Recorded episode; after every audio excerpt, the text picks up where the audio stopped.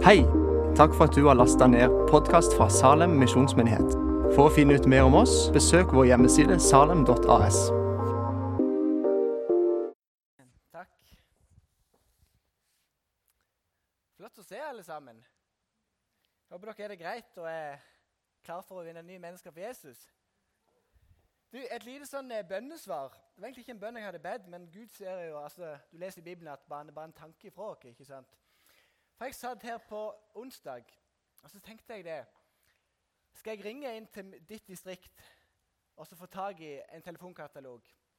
Ta og Klippe, klippe ut alle sidene som er der, legge i plastplomma og dele ut til alle menneskene i menigheten, sånn at Salem kan be for hele Kristiansand. Det er helt sant, Jeg satt og tenkte på det. Men Jeg tenkte, nei, Det har jeg ikke anledning til akkurat nå. Og, par, og en, en, dag seinere kommer det en kar inn som heter Olav Håverstad. kom inn. Sikkert flere i menigheten som vet hvem det er. Så kommer han inn med to sånne herene i hendene sine. Så tenker jeg, hva er det her for noe spennende? Og Det han da sier, det er at han har ringt inn til ditt distrikt. Og så har han fått to telefonkataloger så han har klippet ut i A5-format og lagt inn i plastplommer. Så det bare er for meg til å dele ut i menigheten. Tenk det. Det er ganske fantastisk. Så det jeg kommer til å gjøre, det er at Når gudstjenesten er slutt, så kommer jeg til å stå i døra. Og hvis du har lyst, ikke noe krav, så kan du få lov til å få med deg en sånn en. Og da er det cirka sånn at du kan be for ett til to navn til dagen hele året. ikke sant? Og, da, og hvis vi gjør det, så teppebelegger vi hele denne byen her med bønn. Og det er ganske bra. Og ikke mange av dere som har tenkt over det, men bare på Lund, eller på Storlund, som er området som vi, som vi bor på, eh, eller, vi, eller bor på, mens menigheten er på, så bor det 50 000 mennesker. 30 000 mennesker, for å være helt rett. 30 000 mennesker bor her. Og det, og det er jo med Gimlekollen og Justnes og Ålefjær. Altså, Da er du hele greiene. Men i Lund sentrum, for å bruke det ordet der, altså her som menigheten ligger, området rundt her, så bor det 15 000 mennesker. Og tenk dere det, Hvis vi kunne vunnet 1% av de 15 000 menneskene som bor på Lund, da hadde vi vunnet 150 mennesker. Og Bare for å se i salen her nå Opp med hånd hvis du bor på Lund her inne. For du som bor på Lund, opp med hånd. To. Der er, altså, er ca. 10-15, ja faktisk oppimot 20 stykk som bor på Lund. Så det mangler bare 130. ikke sant? Men så fører dere det at, at, sentrale personer og de som går i menigheten her, de tar imot Jesus og de begynner å spre Jesus i sitt lokalmiljø der som vi er på Lund. Det er det bare fantastisk. Og Så sprer vi det ut til sentrum, og så tar vi hele Kristiansand by. selvfølgelig. Men jeg bare håper det at meg og deg kan få et hjerte for den plassen som menigheten vår ligger på. Og så skal vi selvfølgelig ha et hjerte for der som vi bor. Jeg bor på Hånes, og jeg har et hjerte for Hånes, selvfølgelig. Men så tenker jeg samtidig at vi må be for der som menigheten ligger. Så skal vi ikke glemme sentrum heller, som vi lå i før. Så tar vi det med som en del av vår bønn. Så har du lyst til det, ta kontakt med meg etterpå. Jeg står i døra, så får du en sånn en, og så er du med og ber. Amen? Det er flott. Og så har jeg lyst til å i formiddag og så tale om Jesus. Det er jo det vi alltid gjør. ikke sant? Men jeg har lyst til å dra deg med i de siste timene av Jesus sitt liv. Og Det har jeg lyst til å gjøre ikke bare fra Jesus sitt perspektiv, men jeg har lyst til å gjøre det fra fangevokteren sitt perspektiv. Og dra dere gjennom hvordan det var for fangevokteren å faktisk ta Jesus til fange. Og den følelsen som han har gått med gjennom alle de forferdelige tingene han måtte gjøre med Jesus.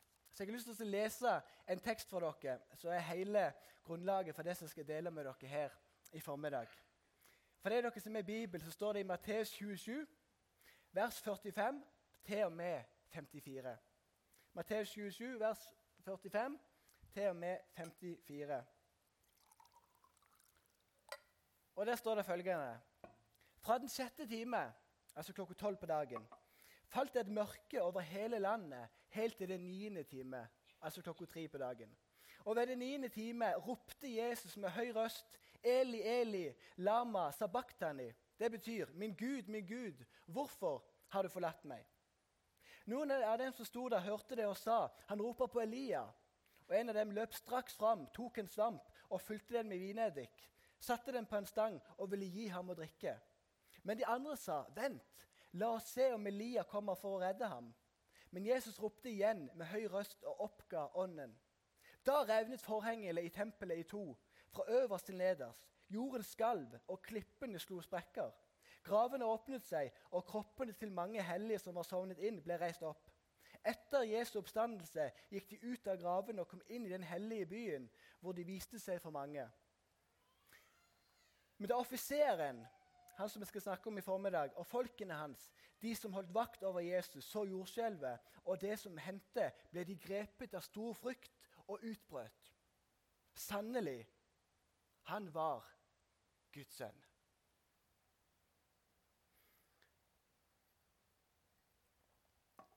Vi er nå på Romerrikets storhetstid. Denne historien her, eller som jeg mener da er fakta, skjedde for 2000 år siden. USA og Russland fantes ikke. Er litt sprøtt for oss å tenke på i dag. Romerriket var en militærstat. Så hvis du skulle komme fram i livet, og hvis du skulle bli noe i livet, så var ikke det viktigste at du hadde en god utdannelse, sånn som det er i dag. Men det viktigste var at du var en god kriger. At du kunne stige opp i gradene som en militær mann. ikke sant? Så ble du det ene og det andre, og så til slutt så fikk du mer og mer eh, makt. Så Hvis du var en suksessfull soldat og du unngikk å dø i alle de krigene som du var i, så kunne du virkelig bli noe stort i Romerriket på den tida her. Offiseren som vi leser om denne historien her, han var trolig en ung italiener. Vi vet ikke det helt sikkert. Men han hadde avansert fra å være soldat til å bli en offiser. Og på den tida, akkurat som i dag, så var det masse uro i Israel. Og Hovedgrunnen til at det var uro på denne tida, her, det var fordi at jødene ville ikke tilbe keiseren som Gud. For Ifølge jødene så var det bare én Gud, og det er Gud. ikke sant? Så de nekta å tilbe keiseren. Offiseren han hadde ansvaret for militærhæren som var i området rundt der. Og han skulle holde ro og orden i byen. Og Karrieren til denne, til denne offiseren den gikk jo over blod og lik. For det var sånn det var, som jeg sa innledningsvis. Så han har garantert at livet av mange mennesker.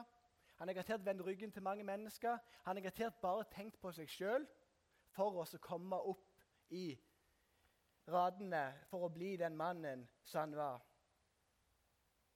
Idet han blir overført fra Italia til Israel, så kommer han plutselig inn i det viktigste begivenheten som fins i hele historien.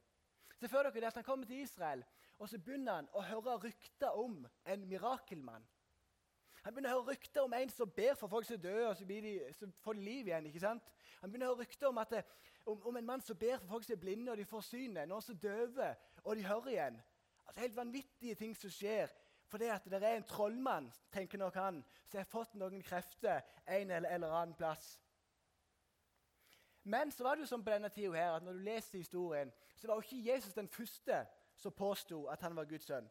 Han var ikke den første som påsto at han var Messias.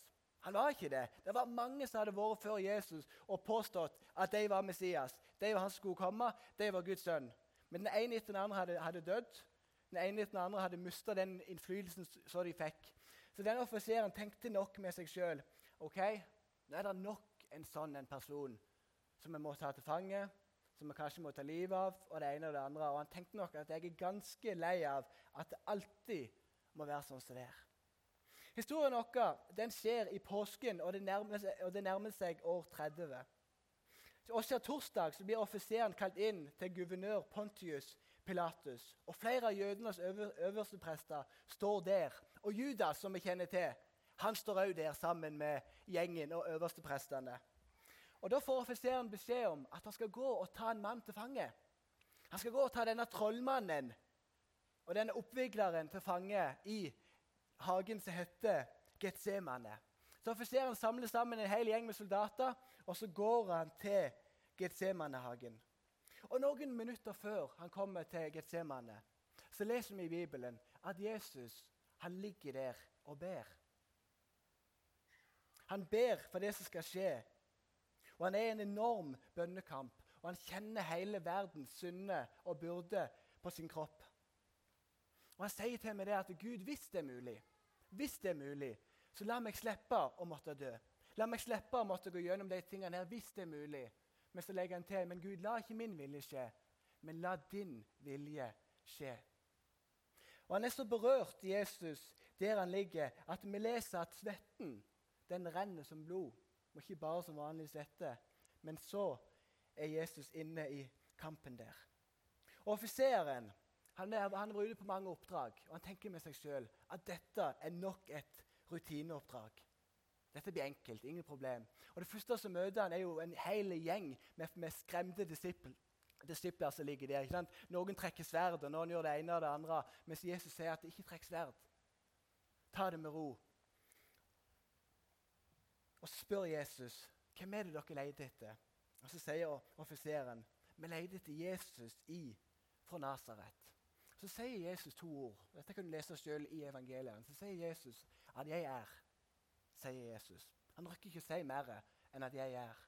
Og idet Jesus sier det, at 'jeg er Jesus', da, så går det en kraft ut ifra Jesus.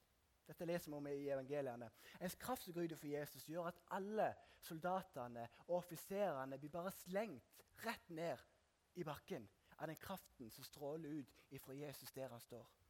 Og Da ser jeg for meg denne offiseren, at han har stått i mange slag. Han har kjempa med sverd, han har kjempa med skjold, han har kjempa med det ene og det andre. Han har stått imot de ene slagene etter de andre slagene. Men han står der, så er det en kraft som er mye større enn menneskers kraft, som gjør at han blir slengt ned til bakken. Og Etter en stund, når han får reise seg opp, denne offiseren er nok litt fortumla, så spør han nok en gang hvor er Jesus? Og Så sier Jesus at 'jeg er Jesus'. Og Så tar de Jesus til fange. Og Rett før dette skjer, så går jo Judas bort og så kysser han Jesus på pannen. Etterpå så tar offiseren med seg Jesus. Og Så bærer han Jesus, eller tar med seg Jesus til, til yppersteprestene og det høye råd. Og Kaifas, da, ypperste prest, da, han er samla det høye råd til ca. 70 personer midt på natten for å dømme Jesus til døden. Offiseren begynner å bli litt irritert. Tenk dere klokka er to-tre på natta. Han har vært jobbet i mange timer. Og Han står der og tenker med seg selv at nå kunne han vært hjemme og sovet, men det fikk han ikke lov til. Så, så når de sto der da, eller bevegte Jesus bort, så begynner han å håne Jesus. Så begynner han å slå Jesus og begynner å gjøre det ene og det andre. At du kaller deg jødenes konge, det tror jeg ikke noe på. Offiseren står bakerst i denne salen. Og så er han overrasket over at det ene vitnesbyrdet etter det andre som de ulike folkene kommer med, det går imot hverandre. De finner ikke noe skyld i Jesus. Det er ingenting som stemmer sammen, ikke sant? for det er ingenting galt han har gjort. Men så kommer da spørsmålet ifra Kaifas, der han spør Jesus er du Messias, Guds sønn. Og så svarer Jesus, 'Jeg er Guds sønn, og dere skal få se menneskesønnen sitte ved Faderens høyre hånd og komme i himmelens skyer.' Og Da tenker jeg også presten at dette er blasfemi. For dette, Jesus er ikke Guds sønn. Og En tydelig måte å vise dette på i de tiden der, det var å rive opp kappen du hadde på deg, for å vise tydelig at dette var Guds bespottelse. Så det gjør Kaifas. Han river opp den, og så sier han det at vi trenger ikke noen flere anklager av Jesus, for Jesus har sjøl gjort det sånn at han må dømmes til døden. Rådsmøtet er slutt, og dommen er falt. Og, og, og Offiseren fører Jesus ut, og han gir han nok noen slag. Tidlig på morgenen så tar offiseren med seg Jesus til Pontius Pilatus. Anklagene imot Jesus er at han kaller seg jødenes konge. Og I Romerriket som jeg sa i starten, så tillates bare én konge, og det er keiseren.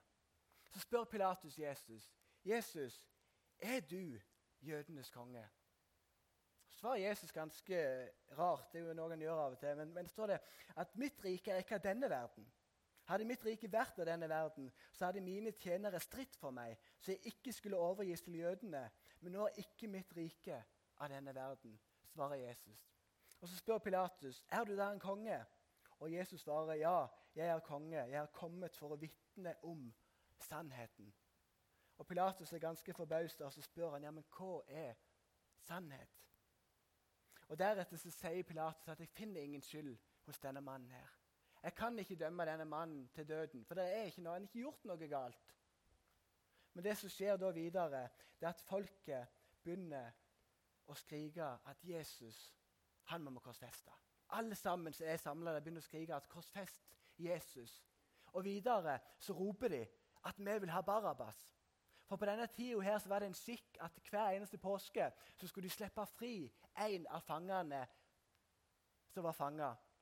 Og da tenkte, tenkte Pilatus med seg selv ja, hvis jeg henter Barabas, så kan det jo være at de tenker seg han er en morder, seg han er en tyv, seg han har gjort så mye galt. Så kan det jo være at de tenker at vi vil slippe fri Jesus, siden Jesus ikke har gjort noe av det. Så det de gjør da, det er at de går inn i en mørke hule og så finner de Barabas. Og så stiller de han opp på sida av Jesus, og så spør Pontus Pilatus de, hvem vil dere at jeg skal slippe fri av de to, to her. Er det Jesus, som kaller seg for jødenes konge? Eller er det Barabas, en morder, en tyv dere vil vi skal slippe fri?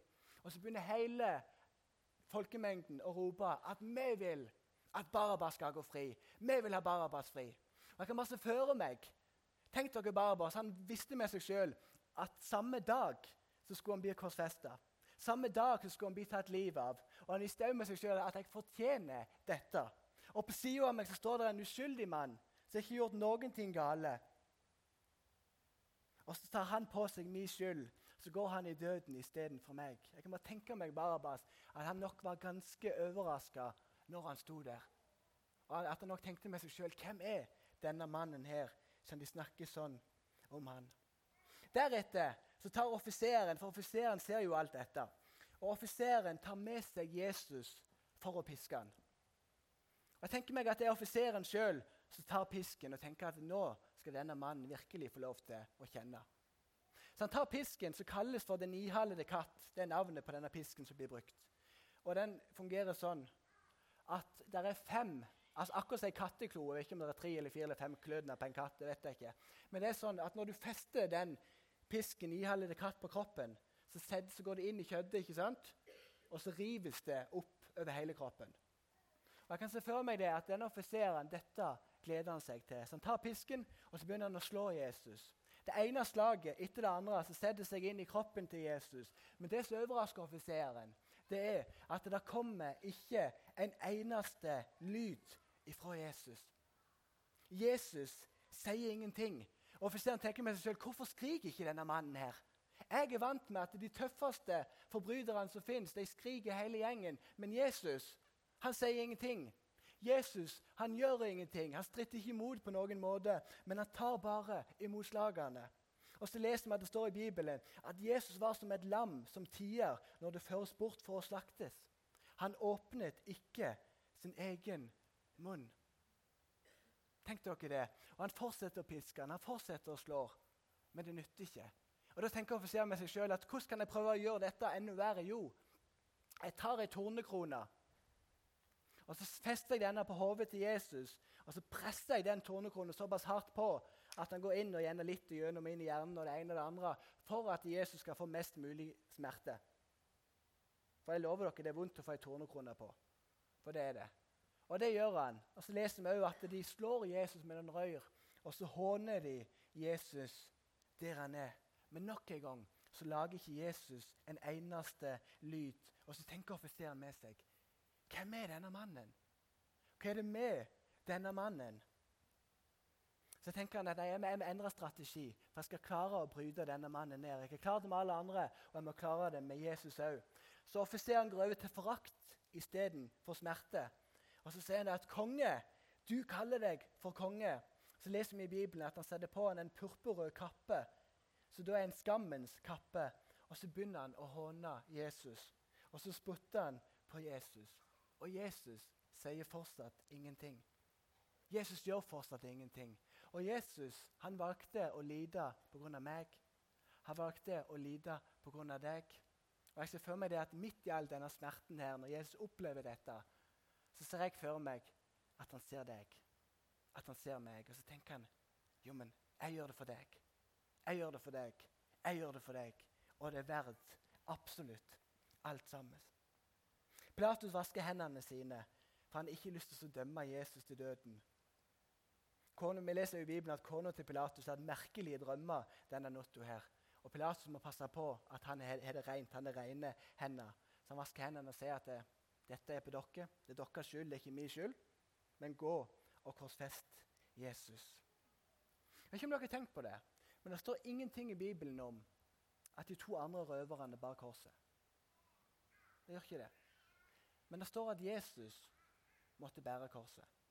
Og Jeg ser for meg det, at offiseren prøvde å knekke Jesus. med at la han bære korset sjøl. La han ha det på ryggen sin, og la han måtte bære korset sjøl. Så leser vi i Bibelen at Jesus bærer korset sitt opp via Dolorosa, som betyr smertens og lidelsens vei. Du kan fortsatt gå i den gata i dag hvis du er i Israel. Og Jesus han bar dette korset for meg og deg. Og Når Jesus bærer dette korset, så stimler det mennesker til. Og de håner og de spotter Jesus. Så kan vi òg lese det at noen kvinner hører skrådene bak Jesus. Det er sterkt å lese, men du leser det. Og så snur Jesus seg imot dem, og så sier han det.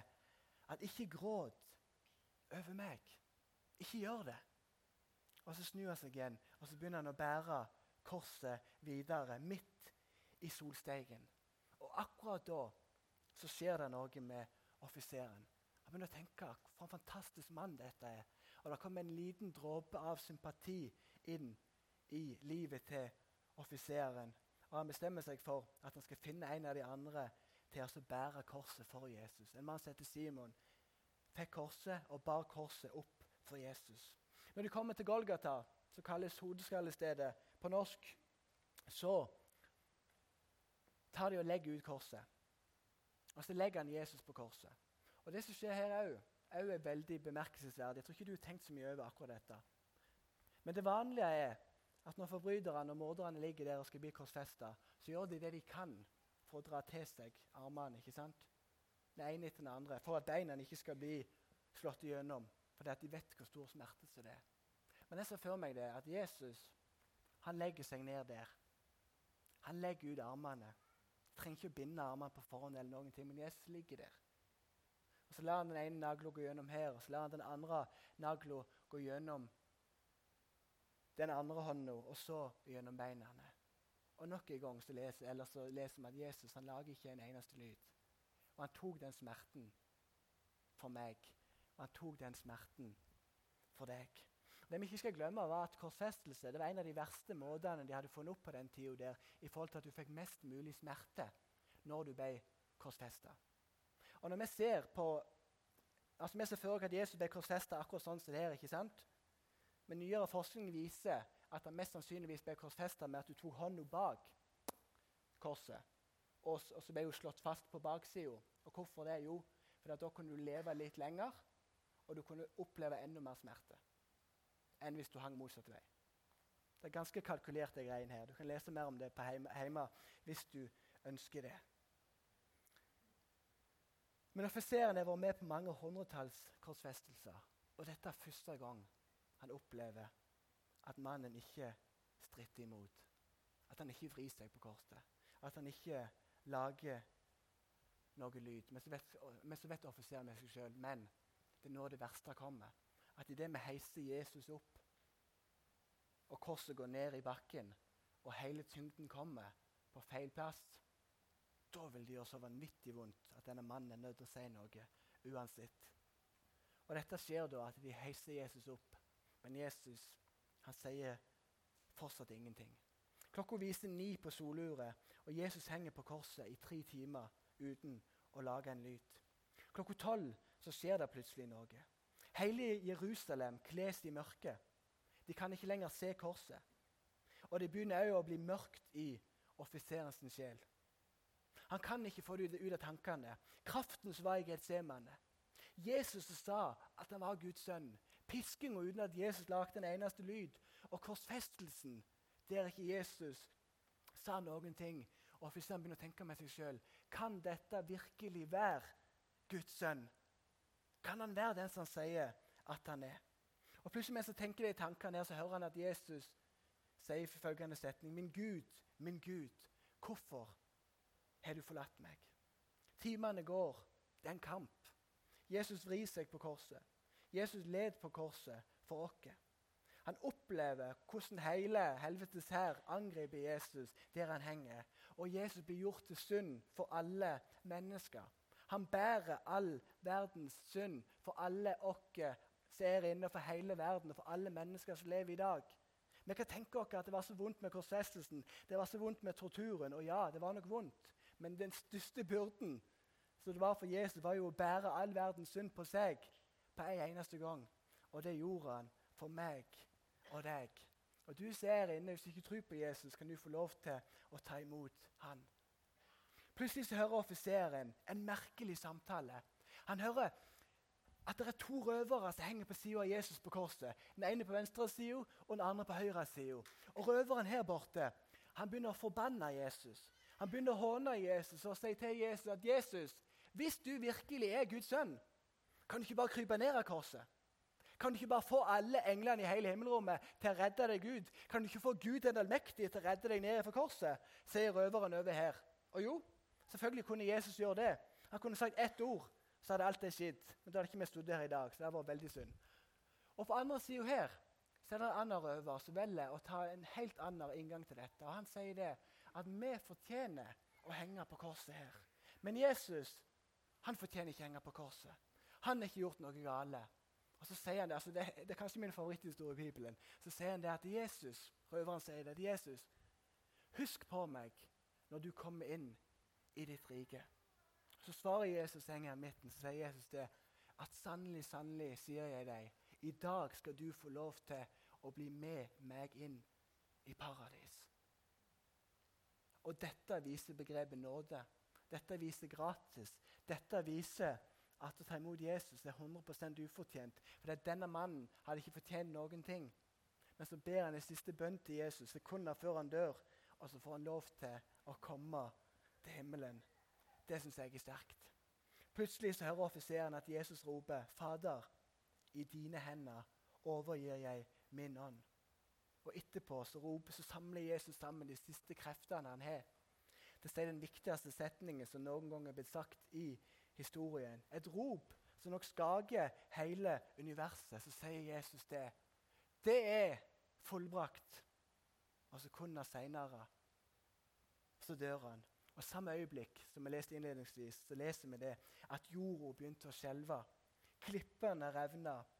Han ser at gravene åpnes. Han ser at Jesus er død på korset. Han ser den korsfestede Jesus, og han tenker med seg sjøl at dette må være Guds sønn. Og plutselig så leser vi det i Bibelen at han stuper ned på kne, sånn som det her. Og så sier han en setning at sannelig, dette var Guds sønn. Vi vet ikke noe mer om denne offiseren. Vi vet ikke hva som skjedde med men jeg er rimelig sikker på at han tok imot Jesus. Jeg er rimelig sikker på at vi kommer til å møte den mannen igjen i himmelen. Og Da kan vi spørre om hvordan fortsettelsen var, men det vet vi ikke akkurat nå. Men mitt budskap i formiddag var det at Jesus han gjorde alt dette for deg. At Jesus han gjorde alt dette for meg.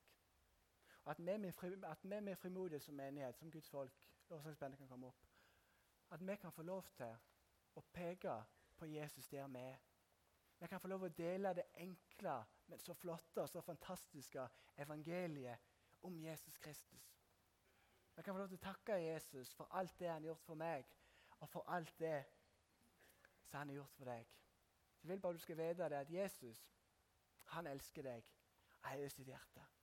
At Jesus han lengter etter deg. At han ønsker å være sammen med deg hver eneste dag. Uansett om du ikke føler deg god nok, eller om du føler deg god nok, så står Jesus der med åpne armer alltid. Jeg vil be en bønn til slutt. Kjære far, jeg takker deg for at du er så fantastisk. Jeg takker deg, Gud, for at du sendte din sønn Jesus for å dø på et kors for alle oss som er inne. Jeg takker deg, Jesus, for at du var villig for å betale prisen, sånn at vi kunne få lov til å komme til deg. For så heldig som jeg er, så jeg fikk lov til å ta imot deg. At, vi får lov til å leve livet for deg, far. Jeg syns det er så stort. Jeg føler meg liten, far, oppi det der. Jeg ber deg om du bare skal berøre hjertene her inne i formiddag, far. Jeg ber deg om de menneskene som har tatt steg borti for deg, at de skal ta noen steg nærmere deg i formiddag. Fordi at du er her og banker på alle hjertedørene. Så ber deg, far, hvis det er noen her inne som ikke har tatt imot deg som Herre og Frelser, så kan de få lov til i formiddag å gå til forbønn. Så kan de fortelle der inne at de har lyst til å ta imot deg. Og så vil du Ta dem imot med åpne armer, far, for så mye elsker du oss, Jesus. Jeg vil bare til slutt, far, takke deg for denne fantastiske menigheten, far. Takke deg for alle de flotte menneskene som er far. Takke deg for alle menneskene som elsker deg så mye, Jesus. Jeg ber deg om du skal fortsette å lede dem. Fortsette å vandre tett ved deres side. Legg jeg òg Lund i dine hender, Jesus. Legg en byrde på hjerter for Lund. Legg en byrde på våre hjerter for menneskene som bor, rundt her, far. Sånn at vi kan vinne flest mulig for ditt rike. I Jesu navn. Amen. Er du her inne og du har lyst til at noen skal be for deg?